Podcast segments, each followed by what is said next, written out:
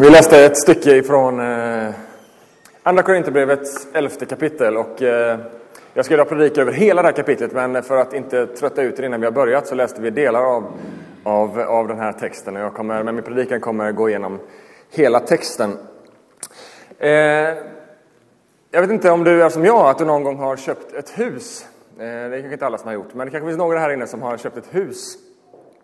Kanske är det några fler här inne som inte köpte ett hus men som ändå har varit på någon husvisning av något slag. Med liksom, ah, wow, det här huset skulle jag vilja ha. Eh, man har liksom eh, surfat runt på Hemnet och liksom bara, wow, vilket hus. Vilka bilder, vilken kakelugn, vilket, vilken eh, spis, det är ju det jag tittar på liksom. Det här ser ju verkligen helt fantastiskt ut. Men alla vi som har sett de här bilderna på Hemnet och sen varit på diverse husvisningar, vi vet att Hemnet är en sak och verkligheten är en annan sak. Eh, faktum är att faktiskt verkligheten är inte ens det man kanske ser med blotta ögat när man kommer på husvisning och tittar på huset. Liksom. Man tittar, men det här ser jättefint ut och så Men den sanna verkligheten om huset kanske är den som inte riktigt syns.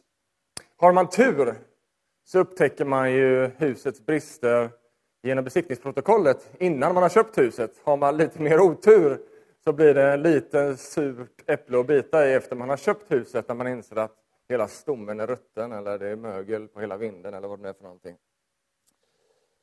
En kompis till mig ringde häromveckan och så, han hade varit på ännu en husvisning i raden av många. Och så, alltså jag förstår inte, hur vågade ni köpa ett hus överhuvudtaget? Allt ser ju jättebra ut! Och sen så helt plötsligt upptäcker man att det är helt ruttet under ytan. Och det är lite så när man köper hus, att man behöver urskiljningsförmåga som inte bara ser till det yttre, utan som ser till det som är bortom det yttre. Därför att ögat attraheras så lätt till det yttre. Ja, men det är ju så, det är ju så fantastiskt det här huset, det ser ju så underbart ut. Men det är inte alltid det som man ser som är det som man får. Det som vid första anblick kan verka starkt kan i själva verket vara väldigt svagt. Och det som vid en första anblick verkar svagt kan faktiskt visa sig ha egentlig, verklig styrka. Och I den här texten idag som vi har läst så argumenterar Paulus att kristna, han säger inte kristna utan han adresserar dem i Korint, så åtminstone de i Korint då, har problem med det här med urskiljningsförmåga att de ofta saknar urskiljningsförmåga att skilja det som ser bra ut från det som verkligen är bra.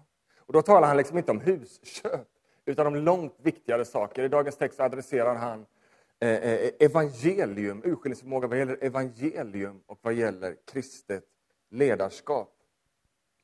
Och Det är något allmänt giltigt tror jag, för alla människor, att vi liksom attraheras av det som verkar så där vackert, så där starkt, intellektuellt, framgångsrikt. Det finns något vi liksom attraheras av det. Där. Man möter en person, wow, vilket, vilket intellekt.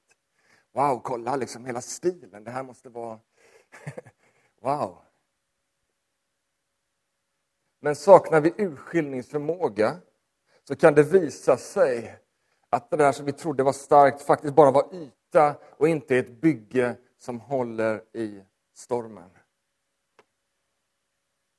Om du har bra minne, vilket du självklart har, så kommer du ihåg från tidigare söndagar i den här serien att, att vi har pratat om att Paulus, när det gällde församlingen i Korint, så var han utmanad av andra ledare som hade kommit från Jerusalem ner till Korint och som försökt ta makten över församlingen som Paulus hade planterat. Och Paulus säger i den här texten som, som, som Pierre precis läste i, i, i vers 5 och 6 att jag menar att jag inte på något sätt är underlägsen dessa superapostlar. Alltså de här andra ledarna som kommer och försöker ta makten. Jag är inte underlägsen dessa superapostlar. Även om jag själv inte är någon vältalare så saknar jag inte kunskap. Den har vi alltid och på alla sätt lagt fram för er. Korintierna var attraherade av de här superapostlarna som framställs som så talförda, vilka retoriker. Oj, de kan ändra ord på ett sånt magiskt sätt. Och de hade så mycket framgång, de verkar liksom ha hela paketet. Och Paulus han är delvis ironisk kanske i sitt ordval, dessa superapostlar. Men faktum är att det var så de verkade ha sett på sig själva. Som överlägsna andra, som lite bättre, som lite för mer. Och visst, de verkade ledare från den religiösa överklassen i Jerusalem, liksom, men det var fint folk. Allt såg så bra på, ut på ytan och korinterna var uppenbart attraherade av deras stil. Men Paulus, han visste att bilderna på Hemnet är inte den verkliga sanningen om detta huset. Paulus visste att det som de korinterna attraherades av, det var inte sanningen om dessa superapostlar. Korintierna höll på att gå, bli lurade. Och superapostlarna, vilken stil de hade. De kom dit och smutskastade Paulus. De bara snackade ner honom. Alltså där, så när Paulus refererar till att han inte var någon bra talare, ja, men det är ju för att de hade snackat ner honom. Liksom, den där Paulus kan inte lyssna på. Han kan ju inte prata. Han liksom, lyssna på honom. Det finns ju ingen... Och vet, I den här tiden på antiken, liksom, så man, man aktade retorik och talets konst. Det var något vackert.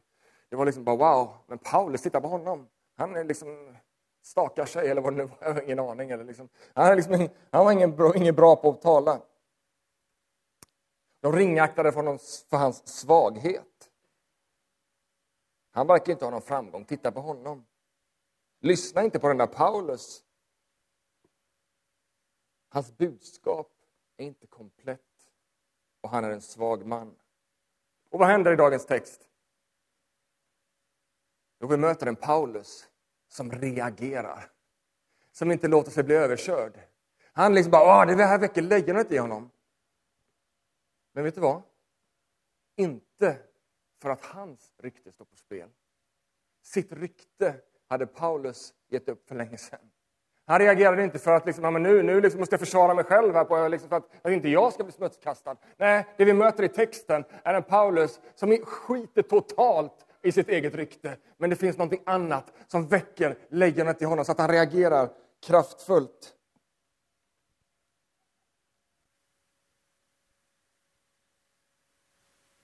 I texten möter vi korintierna som håller på att gå miste om det rena evangeliet, om det sanna evangeliet.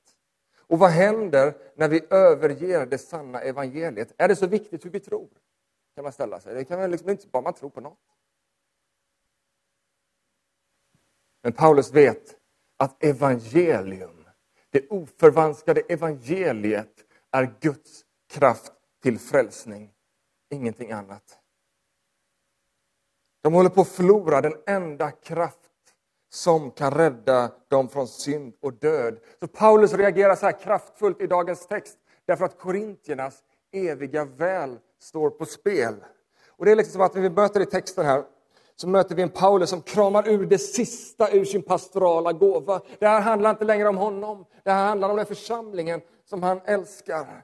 I kärlek, i desperat passion för församlingen i Korint. Så bara liksom ber han, hallå, vakna upp. Ni måste urskilja det äkta från det falska och det falska från det äkta. Så i första halvan av dagens text så vill Paulus hjälpa dem att urskilja det rena evangeliet från det förvanskade evangeliet. Och i andra halvan av dagens text så, så vill han hjälpa dem att urskilja sant kristet ledarskap från falskt ledarskap. Så det här är mina två punkter i dagens predikan som handlar om urskiljningsförmåga. Urskiljning av det rena evangeliet. Hoppas ni kan stå ut med lite dårskap från min sida. Visst står ni ut med mig, eftersom jag brinner för er med Guds iver. Jag har trolovat er med en enda man, Kristus, och vill föra fram en ren jungfru till honom. Men jag är rädd att liksom ormen med sin list förledde Eva, så kan också era sinnen förföras och vändas bort från den uppriktiga och rena troheten mot Kristus. För om någon kommer och predikar en annan Jesus än det vi predikat, eller om ni tar emot en annan ande eller ett annat evangelium än det ni tidigare tagit emot, då accepterar ni det gärna. Hoppas ni står ut med lite dårskap från min sida. Paulus är en dåre för evangeliets sak. Gång på gång i dagens text, genom hela kapitlet, så kallar Paulus sig själv för en dåre och att han agerar som en dåre. Nu talar jag som en dåre, nu är jag en dåre. Jag vill också vara lite dåraktig. Och han gör det, säger han här i texten, utifrån vad då? En brinnande iver. En brinnande iver. Jag brinner för er med Guds iver, säger Paulus till församlingen i Korint. I vers 11 säger han, Gud vet att jag älskar er.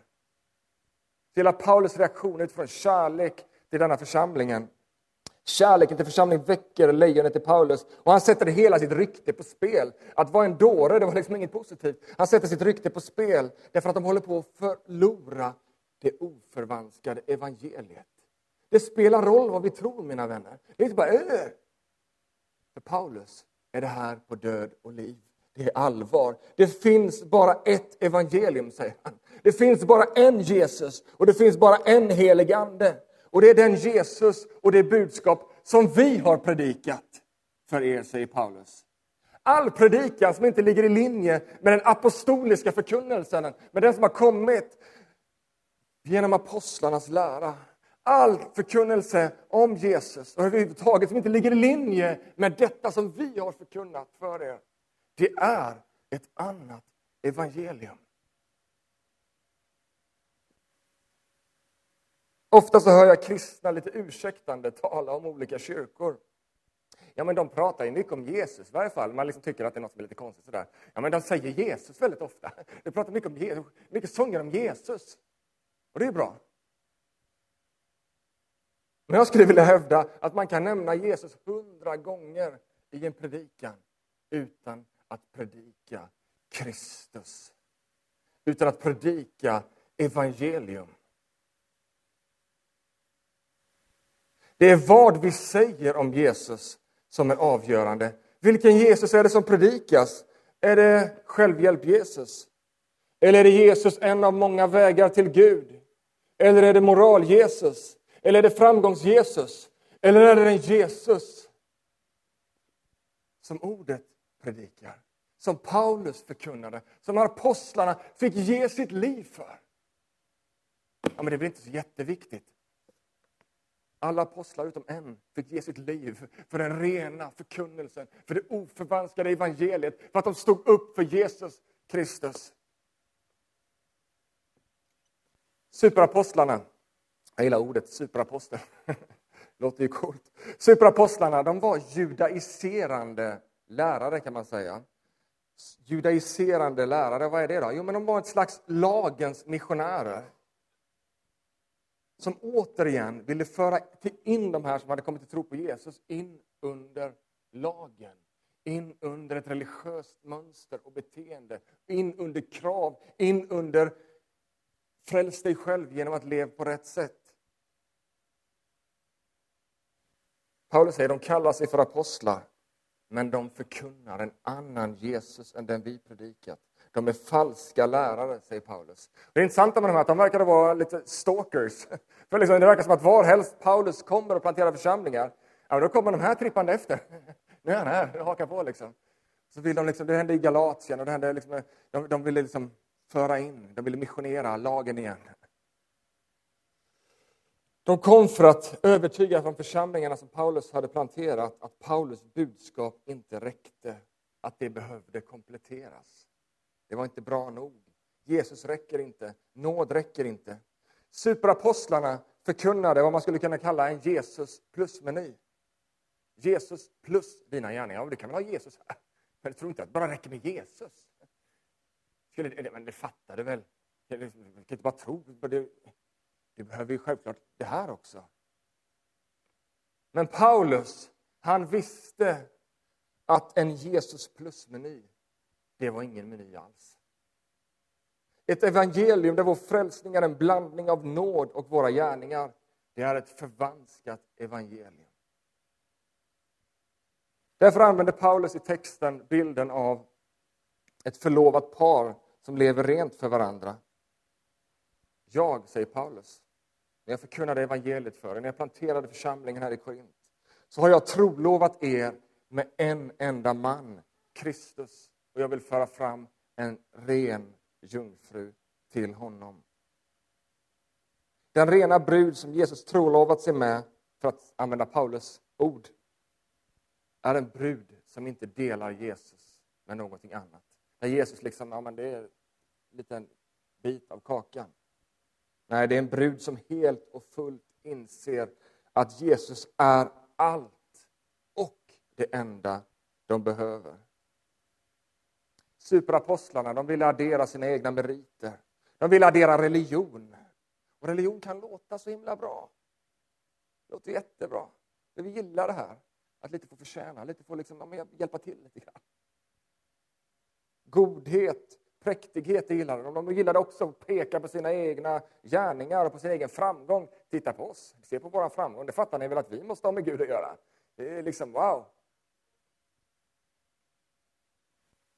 Men Paulus hade trolovat korinterna med Kristus på inga andra meriter än på Jesu merit för dem. En brud som står där på grund av Kristus alena. I tron alena. Av nåden alena, för att använda reformatorernas uttryck. Urskiljningsförmåga vad gäller evangeliets renhet, det är att Jesus aldrig kommer med en plusmeny. Förkunnas Jesus med en plusmeny, då är det dags att dra öronen åt sig lite. Och tänka, vad är det som händer här? Därför att Jesus, som apostlarna förkunnade honom, kom aldrig med en plusmeny. Han är en fullvärdig måltid i sig. Allt annat fördärvar våra maten. Paulus säger till korinterna i, i, i första Korinthierbrevet 2, 1-2. När jag kom till er syskon så var det inte med övertygande vältalighet. Nej, jag skryter inte om att jag är en bra retoriker, säger Paulus. Jag kom inte med vishet heller. Men jag berättade om Guds hemlighet för er. Jag hade bestämt mig för att inte veta av något annat när jag var hos er än Jesus Kristus och honom som korsfäst. Alltså, den här Jesus alena. Det är vårt budskap. Superapostlarna kommer mänskligt, mänsklig vishet, vältalighet och styrka. Och jag tänker idag, jag tycker... Man tittar på kyrkor och man undrar vad är det som händer? Man attraheras av allt möjligt. Liksom. Det ena är liksom poetiska, vackra framställningar om livet. Oh, man uttrycker med sådana ord och sån... Wow! Eller det är sådana shower som man bara blir helt bländad av. Liksom bara, wow, det här måste ju verkligen vara något bra. Och allt det där hamnar i centrum och blir viktigare än att förkunna den korsfäste Kristus. Och Paulus säger, jag är beredd att gå så långt så att jag liksom... Jag vill bara klä av min vältalighet om jag har någon. Jag vill klä av min vishet om jag har någon. För jag vill inte att det kan vara så att det här bygger på min vishet, säger Paulus, utan bara på Guds kraft. Superapostlarna pratade också om Jesus, men med, plus, men, med, men med en plusmeny. Och vad Paulus egentligen säger är att i slutändan så predikade de inte Jesus överhuvudtaget, de predikade en annan Jesus. Därför behöver vi urskiljningsförmåga. Att Jesus plus ingenting är allt vi behöver för vår frälsning.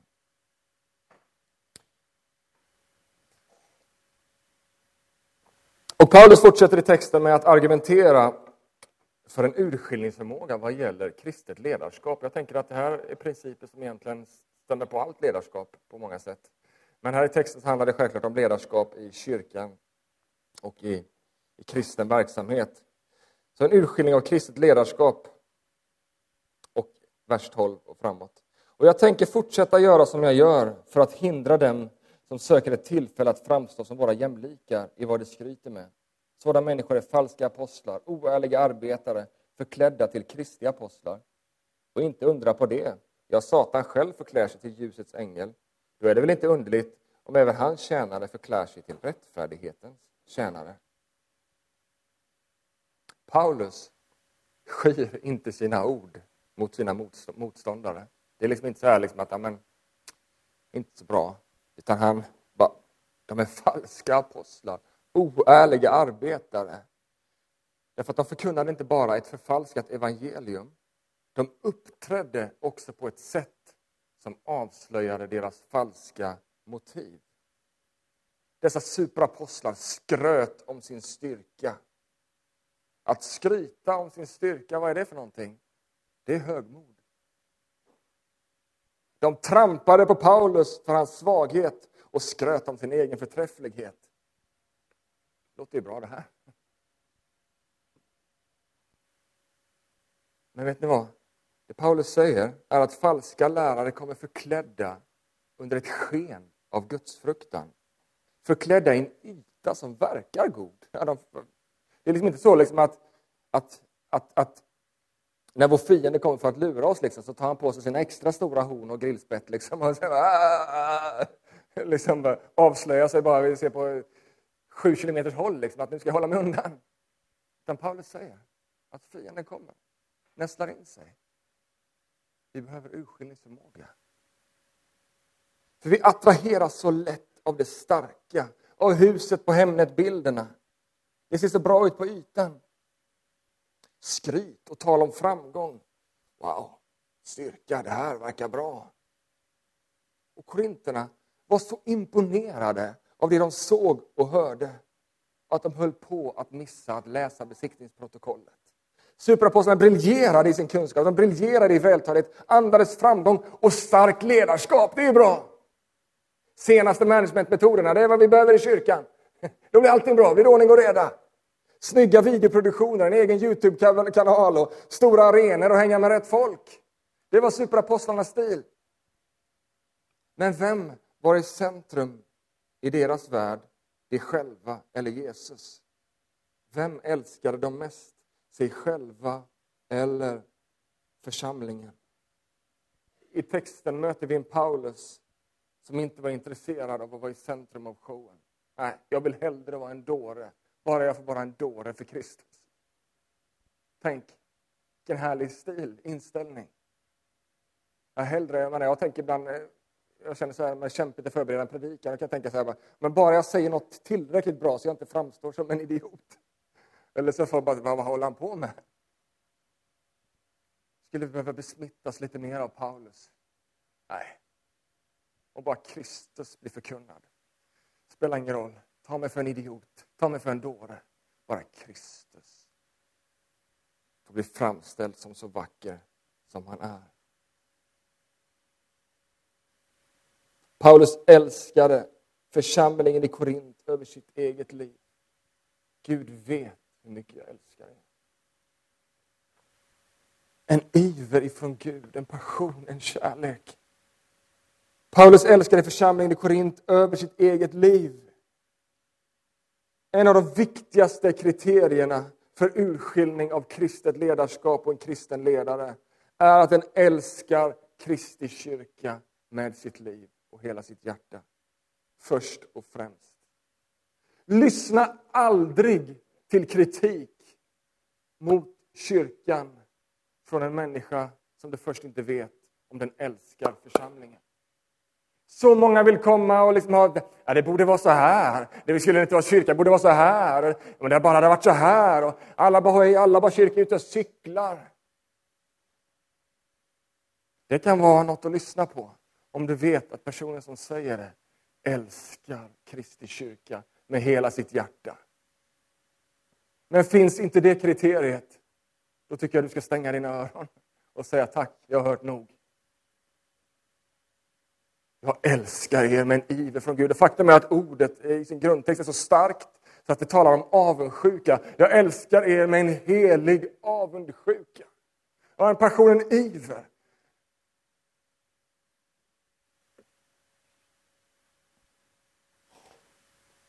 Och Paulus talar inte bara om Kristi kyrka som ett diffust begrepp, för man kan ju liksom älska idén av kyrkan som en utopi.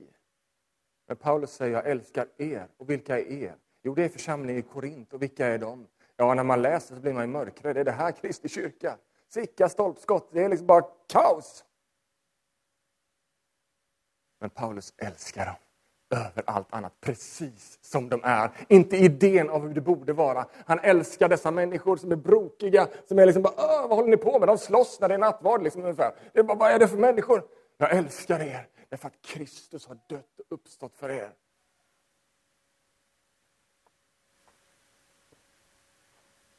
Men ofta så bländas vi av framgången i ett sammanhang, eller av det starka ledarskapet, eller av den fantastiska retoriken, så att vi inte ser, eller kanske till och med blundar för brister i karaktär och ledarskap.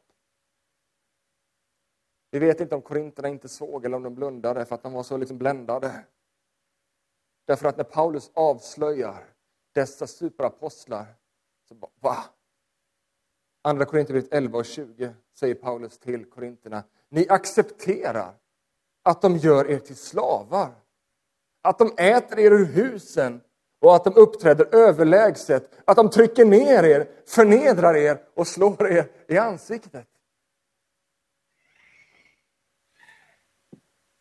De gör er till slavar. Vadå? Jo, de vill ju föra in dem som slavar under lagen igen. De ville föra in dem under Jesus plus-meny, religion. De litar inte på nådens kraft, utan det behövs nåd och gärningar. De ville föra in dem under slaveriet igen. Men Paulus refererar också med all sannolikhet till deras stil av ledarskap. Därför att i första Korinthierbrevet kapitel, eh, eh, andra Korinthierbrevet kapitel 1 så talar han om, om, om ett ledarskap som uppträ, uppträder som herrar, som dominerar över människor. Och dessa superapostlar de kom från den religiösa överklassen. Och vet ni vad? Där var man inte någon annans betjänt. Där blev man betjänad.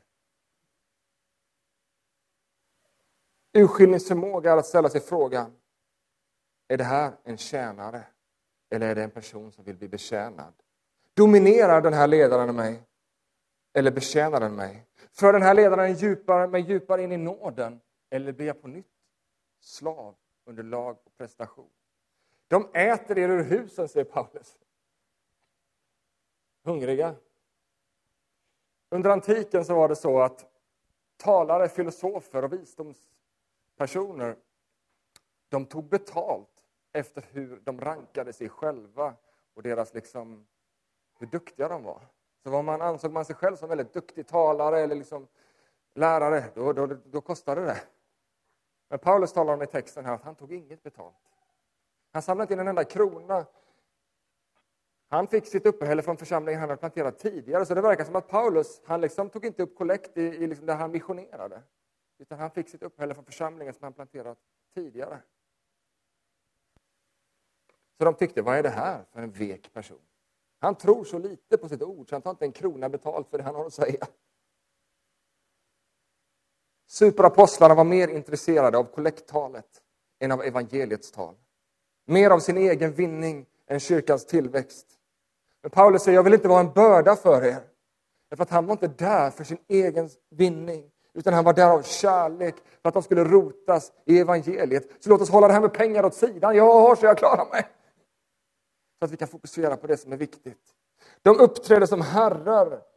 De uppträder överlägset och trycker ner er. De arrangerade kyrkan som om det vore ett företag. Styr och ställa över människor och dondera. Men kyrkan är inte ett företag. Kyrkan är Guds familj. Och Paulus han står i kontrast till dessa själviska ledare. Han säger i första Korinthierbrevet 9 och 19. Jag är alltså fri och oberoende av alla människor. Men jag har ändå gjort mig till allas slav för att vinna så många som möjligt. Så han vänder helt på begreppen. De vill ha slavar som kan styra ställen, men Paulus säger nej, jag är en slav. Urskiljning att ställa sig frågan, kommer den här ledaren underifrån eller överlägset ovanifrån? De slår er i ansiktet, säger Paulus. Ja, vad talar de om? Jag vet inte. Kanske var det rent fysiskt eller var det liksom att han menade att de tål inte kritik. De slår tillbaka. Om du kommer ha åsikter och synpunkter, tyst med dig! Det var superapostlarnas stil. De må hända representerade ett starkt ledarskap. Det kanske fungerade, de kanske fick saker gjort. Uppenbart blev folk imponerade trots det här. Och Paulus säger, jag är förvånad. Hur, hur, hur kan ni följa de här? Ni överger så lätt det vi har lärt er och ni följer de här.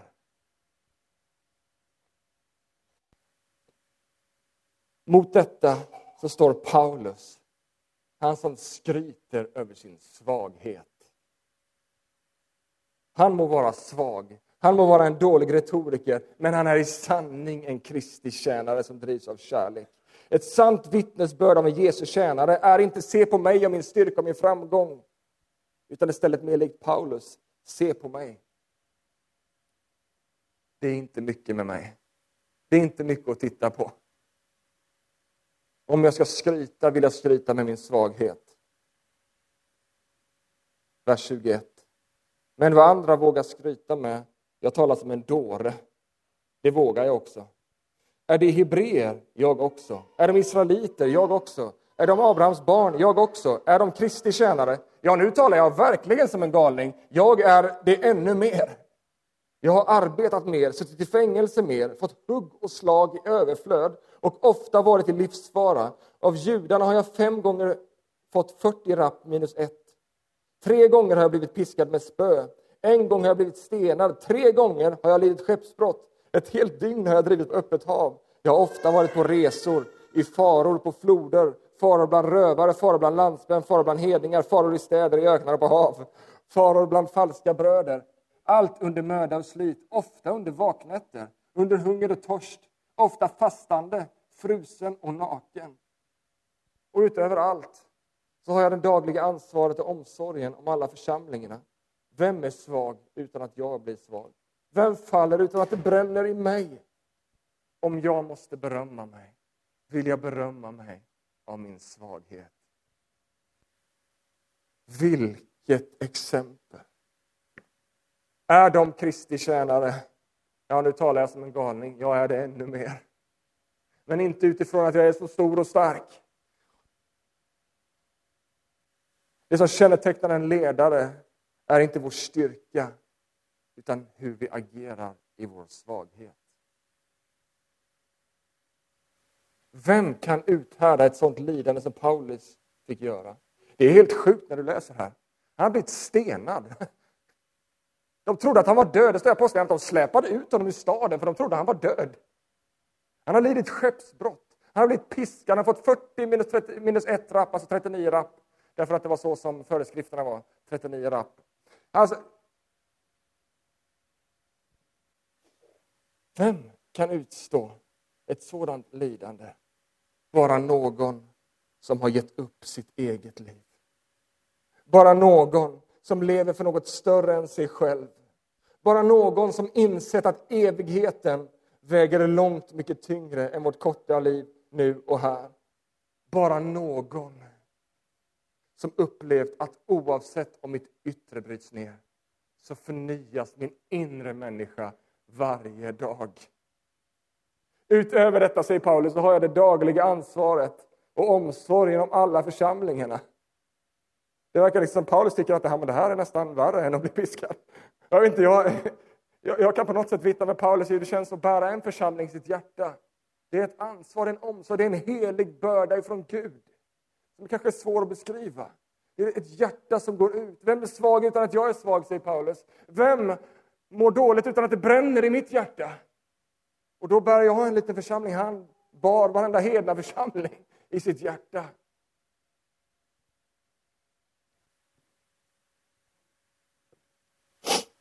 Paulus säger, se på mig. Att se på Paulus, det var inte att se en rockstjärna. Tänk er hur han såg ut. Stenad, piskad, slagen, skeppsbrott, naken. Alltså, att se på Paulus.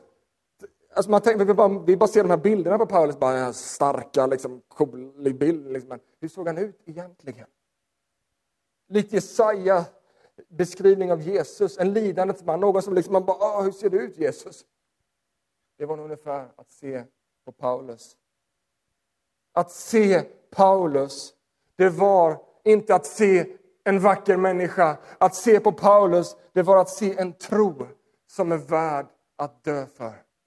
Att se på Paulus, det var att se en mästare värd att ge sitt liv för. Att se på Paulus var att se en tro värd att lida för. Paulus visar världen en tro som inte bara håller i medvind, utan som växer sig starkare i motgång. Vi måste göra upp med falska löften att det kristna livet är en räkmacka. Åh, Gud vill ge dig framgång. Ja, på sitt sätt. Det är en tro som håller i prövningens stund. Det är ett bibliskt löfte som vi ser i Paulus liv. Gjorde svagheten Paulus svag? Ja, om du ser till det yttre. Men vi vet att sann styrka, vi vet att ett hus bedöms inte först och främst av sitt yttre, utan av det som inte syns. Av det som finns på insidan. Paulus var stark i Gud. Han var en apostel som vände upp och ner på hela den dåtida kända världen. Han predikade för skaror, han planterade församlingar. Men det kostade på, och det var värt det. Och jag älskar vad han säger mot slutet av sitt liv. Och jag har citerat det här förut. Själv håller jag redan på att offras som ett drickoffer för Gud. Det är dags för mig att bryta upp. Men jag har kämpat väl. Jag har sprungit klart mitt lopp och jag har bevarat tron. Nu väntar mig rättfärdighetens segerkrans som Herren, den rättvise domaren, ska ge mig på dagen. Och inte bara mig, utan alla som längtar efter att Jesus ska komma tillbaka. Ja, det har inte varit lätt. Men jag har älskat varje minut av det, kan man nästan känna i Paulus ord. Wow! Jag har förnyats till min inre människa. Och det är just här, i det läget Paulus är, som skatten blir synlig i lerkärl. Det är just här som världen kan se hela Paulus liv som ett profetiskt budskap om en tro som inte skyr lidande, utan som ger, där det finns en glädje mitt i allt. Det är just här som världen kan förundras över att vi måste ha en ljuvlig och underbar frälsare. Det har varit lätt att följa någon som bara, det är bara framgång, det är bara, liksom följa, det är bara så här. Men när man ser på Paulus, wow, vilken ljuvlig frälsare han måste ha. Därför att Paulus, han, bara, han liksom inte bara utstår dessa prövningar, han gläds mitt uppe i dem. Tänk om det hade varit lite så med kyrkan i väst också. Inte bara liksom tillrättalagt, så fint, så timid. När vi predikar något halvmesyr, så det liksom sticker inte ut någonstans, utan där vi står upp för Jesus. Fullt ut hela vägen, även om det kostar allt. Och då kan vi bli ett vittnesbörd, se på dem. De måste ha en ljuvlig frälsare. Som vågar stå emot det liksom politiska åsiktskorridoren, det kulturella liksom, behållning. Om vi står upp för Kristus så kommer vi... Men vi kan stå där och veta att vi förnyas till vår inre människa. Våra liv vittnar, inte bara våra ord, utan våra liv vittnar om Kristus. Amen. Urskiljningsförmåga är att se Guds styrka i mänsklig svaghet snarare att imponeras av mänsklig styrka. Urskiljningsförmåga är att inse att Jesus är allt vi behöver, ingenting mer och ingenting mindre. Och det tror jag är vad Paulus förmedlar till oss i Andra Korinthierbrevet kapitel 11. Amen.